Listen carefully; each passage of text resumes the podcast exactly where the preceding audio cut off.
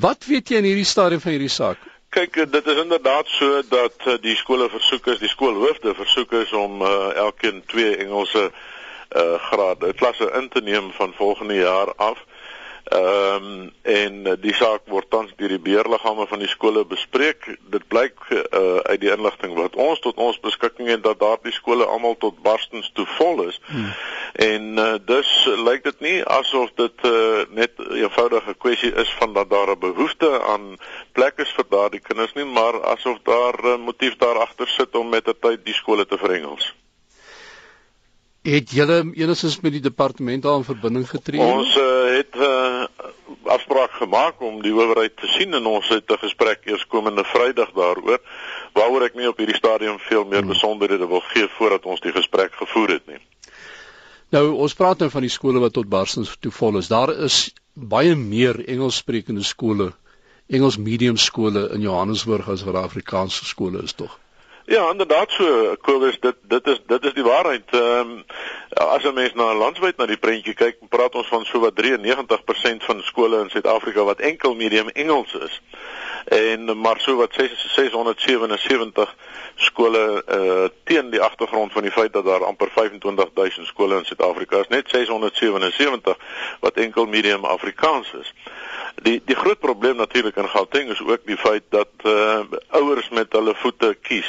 Hulle loop weg uit skole wat uh, nie behoorlik funksioneer nie, wat nie goeie onderrig verskaf nie en dan wil hulle in die skole inkom met hulle kinders waar daar wel gehalte onderrig gegee word en dit is die uh, werklike probleem. Daar's ook 'n probleem met betrekking tot beplanning oor jare heen deur die uh, Gautengse onderwysdepartement met betrekking tot die vestiging van skole in gemeenskappe wat uh, snel groei. As 'n mens maar net kyk en die uh, mense in Gauteng sal weet na die situasie wes van die N1 en noord van die N1 waar daar geweldige uh, ontwikkeling was wat betref behuising die afgelope dekade of meer maar geen nuwe skole gebou is nie. En dan terselfdertyd moet 'n mens ook in hierdie verband die minister se aankondiging verlede week sien dat daar so wat 4000 skole in Suid-Afrika met tyd gesluit moet word en 188 van hulle is in Gauteng. Daar is dus klaarblyklik 'n plek. Die hele kwessie gaan net oor die gehalte van onderrig en die beheer van skole want uh, ek het toevallig gistermiddag met uh, 'n persoon gepraat wat ook uh, aan die departement van onderwys hier in Gauteng verbonde is.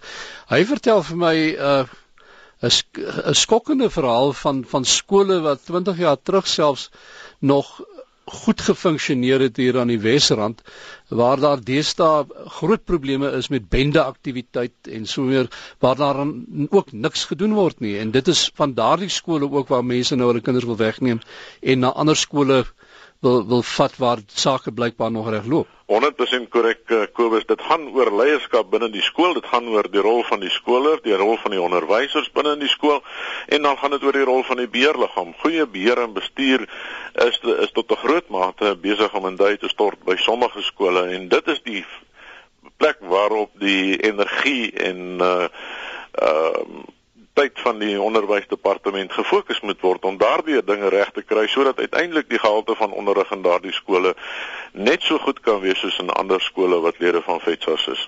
Nou het die minister of die departement van onderwys dan hier van Gauteng en en die LER daar die mag en die wetgewing in plek om Afrikaanse skole wel te dwing om daardie Engelse leerders te akkommodeer. Kobus, dis 'n stryd wat nou al 'n kwessie van so 'n jaar of 2 kom. Ehm um, waar uh, met dit het begin toevallig nogal met 'n Engels medium skool met Terwonia se skool waar die stryd tussen die departement en die beheerliggaam uh, ontstaan het met betrekking tot wanneer is 'n skool vol en wie bepaal wanneer 'n skool vol is. Uh die Hooggeregshof in uh, Gauteng het beslis dat uh, die finale seggenskap daaromtrent te berus by die departement en nie by 'n beheerliggaam nie. Nou daardie saak is tans uh, op pad na die appelhof toe nadat die hof beslis het dat dit inderdaad die departement en uiteindelik die LER is wat die finale seggenskap het. As daardie bes, beslissing moet bly staan, dan is dit regtig donker tye wat voorlê vir daardie skole wat goed funksioneer want hulle gaan net eenvoudig vol geprop word en dan sê die departement maar ons probleem is opgelos ons hoef nie regtig aandag te gee aan daardie skole waar dit swak gaan nie die departement self het al in in die verlede aan konferensies deelgeneem waar daar hoog opgegee is oor moedertaalonderrig en die noodsaaklikheid daarvan. Terselfdertyd lyk dit vir my is daar 'n beweging, 'n baie sterk beweging van die departement se kant af om te sorg dat moedertaalonderrig op die ouene Engelse onderrig moet wees. Effektief word uh, die hele beginsel van moedertaalonderrig uh ondermyn deur die sterk aandring dat alle onderrig in, in Engels moet wees. Daar's nie 'n amptelike standpunt van die departement daarvan daaroor nie. Maar dit is die hele die hele beweging gaan na Engels medium, enkel medium onderrig uiteindelik. 'n Mens moet ook in gedagte hou Kobus die feit dat uh parallel medium onderrig soos wat hulle nou beoog in daardie ses skole nie noodwendig die beginsel van moedertaalonderrig aantas nie, maar dat dit die duurste model vir onderwysvoorsiening is wat beskikbaar is, want jy het effektief met twee skole onder een dak te doen. Uh die finansiering van skole van staatse kant af en ook die personeelvoorsiening van staatse kant af geskied asof alle skole enkel medium skole is. Met ander woorde, jy word uh, as skool gefinansier op die basis dat jy net een taal is. Daar's geen toegewing vir die feit dat jy in meertale moet onderrig en dat alles nou in meer, twee of meer tale moet wees nie.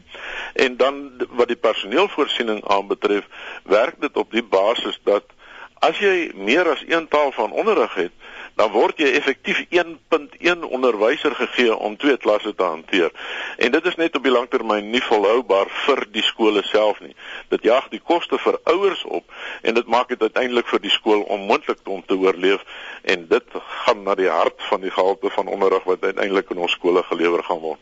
Wel ek kan uit persoonlike ervaring nou vir jou sê dat eh, die skole wat hier genoem is, ehm um, is daar skoolgelde in in as mense dit nou in ag neem vir die luisteraars wat dit nou nie daar ken nie dat hierdie is uh, staatskole, dis nie privaat skole nie.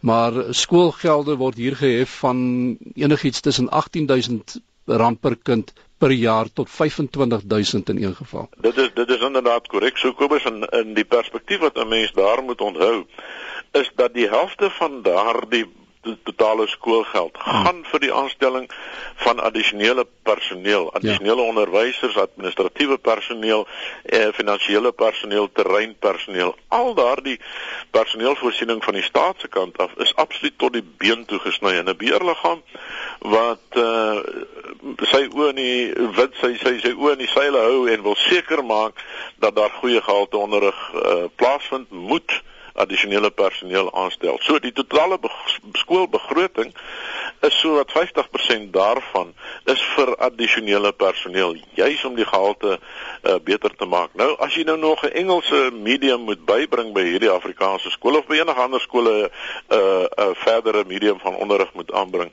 dan gaan daardie komponent die addisionele personeel wat aangestel moet word net eenvoudig dramaties styg en dit sal tot 'n gevolg hê dat die skoolgeld dramaties gaan styg. Uiteindelik gaan dit net nie uh volhoubaar wees vir die gemeenskappe om geld te onderrig dan uh by die skole te hê nie. Wat staan beheerliggame te doen? Wat staan ouers te doen? uh met in hierdie saak. Wel, ek dink die beheerliggaam moet net eenvoudig baie sterk standpunt inneem. Uh hulle moet met ons gesels. Ons is in kontak met hulle. Uh of met sommige van hulle en uh sodat ons 'n gesamentlike plan van aksie kan voorlê aan die departement. Ons moet ook uh, van ons kant af die volle inligting kry met betrekking tot die getalle. Waar is die knelpunt en hoekom is die knelpunt daar sodat 'n mens die werklike motief agter hierdie ding kan agterkom. En dan die beheerliggame net eenvoudig standpunt inneem en die ouers moet die beheerliggaam ondersteun met betrekking tot hulle behoefte daaraan om gehalte onderrig te hê en dan om dit te hê in die taal van hulle keuse. Is daar met van die Engelse skole gepraat eh, in daai omgewing? Is jy bewus daarvan dat Nee, nee, nie nie wat ons van bewus is nie, maar die situasie is dieselfde tot 'n hmm. groot mate en dit is dat daardie Engelse skole wat gehalte onderrig bied in Gauteng en reg deur die land is tot barstens te vol. Hulle kan net eenvoudig nie meer leerders akkommodeer nie.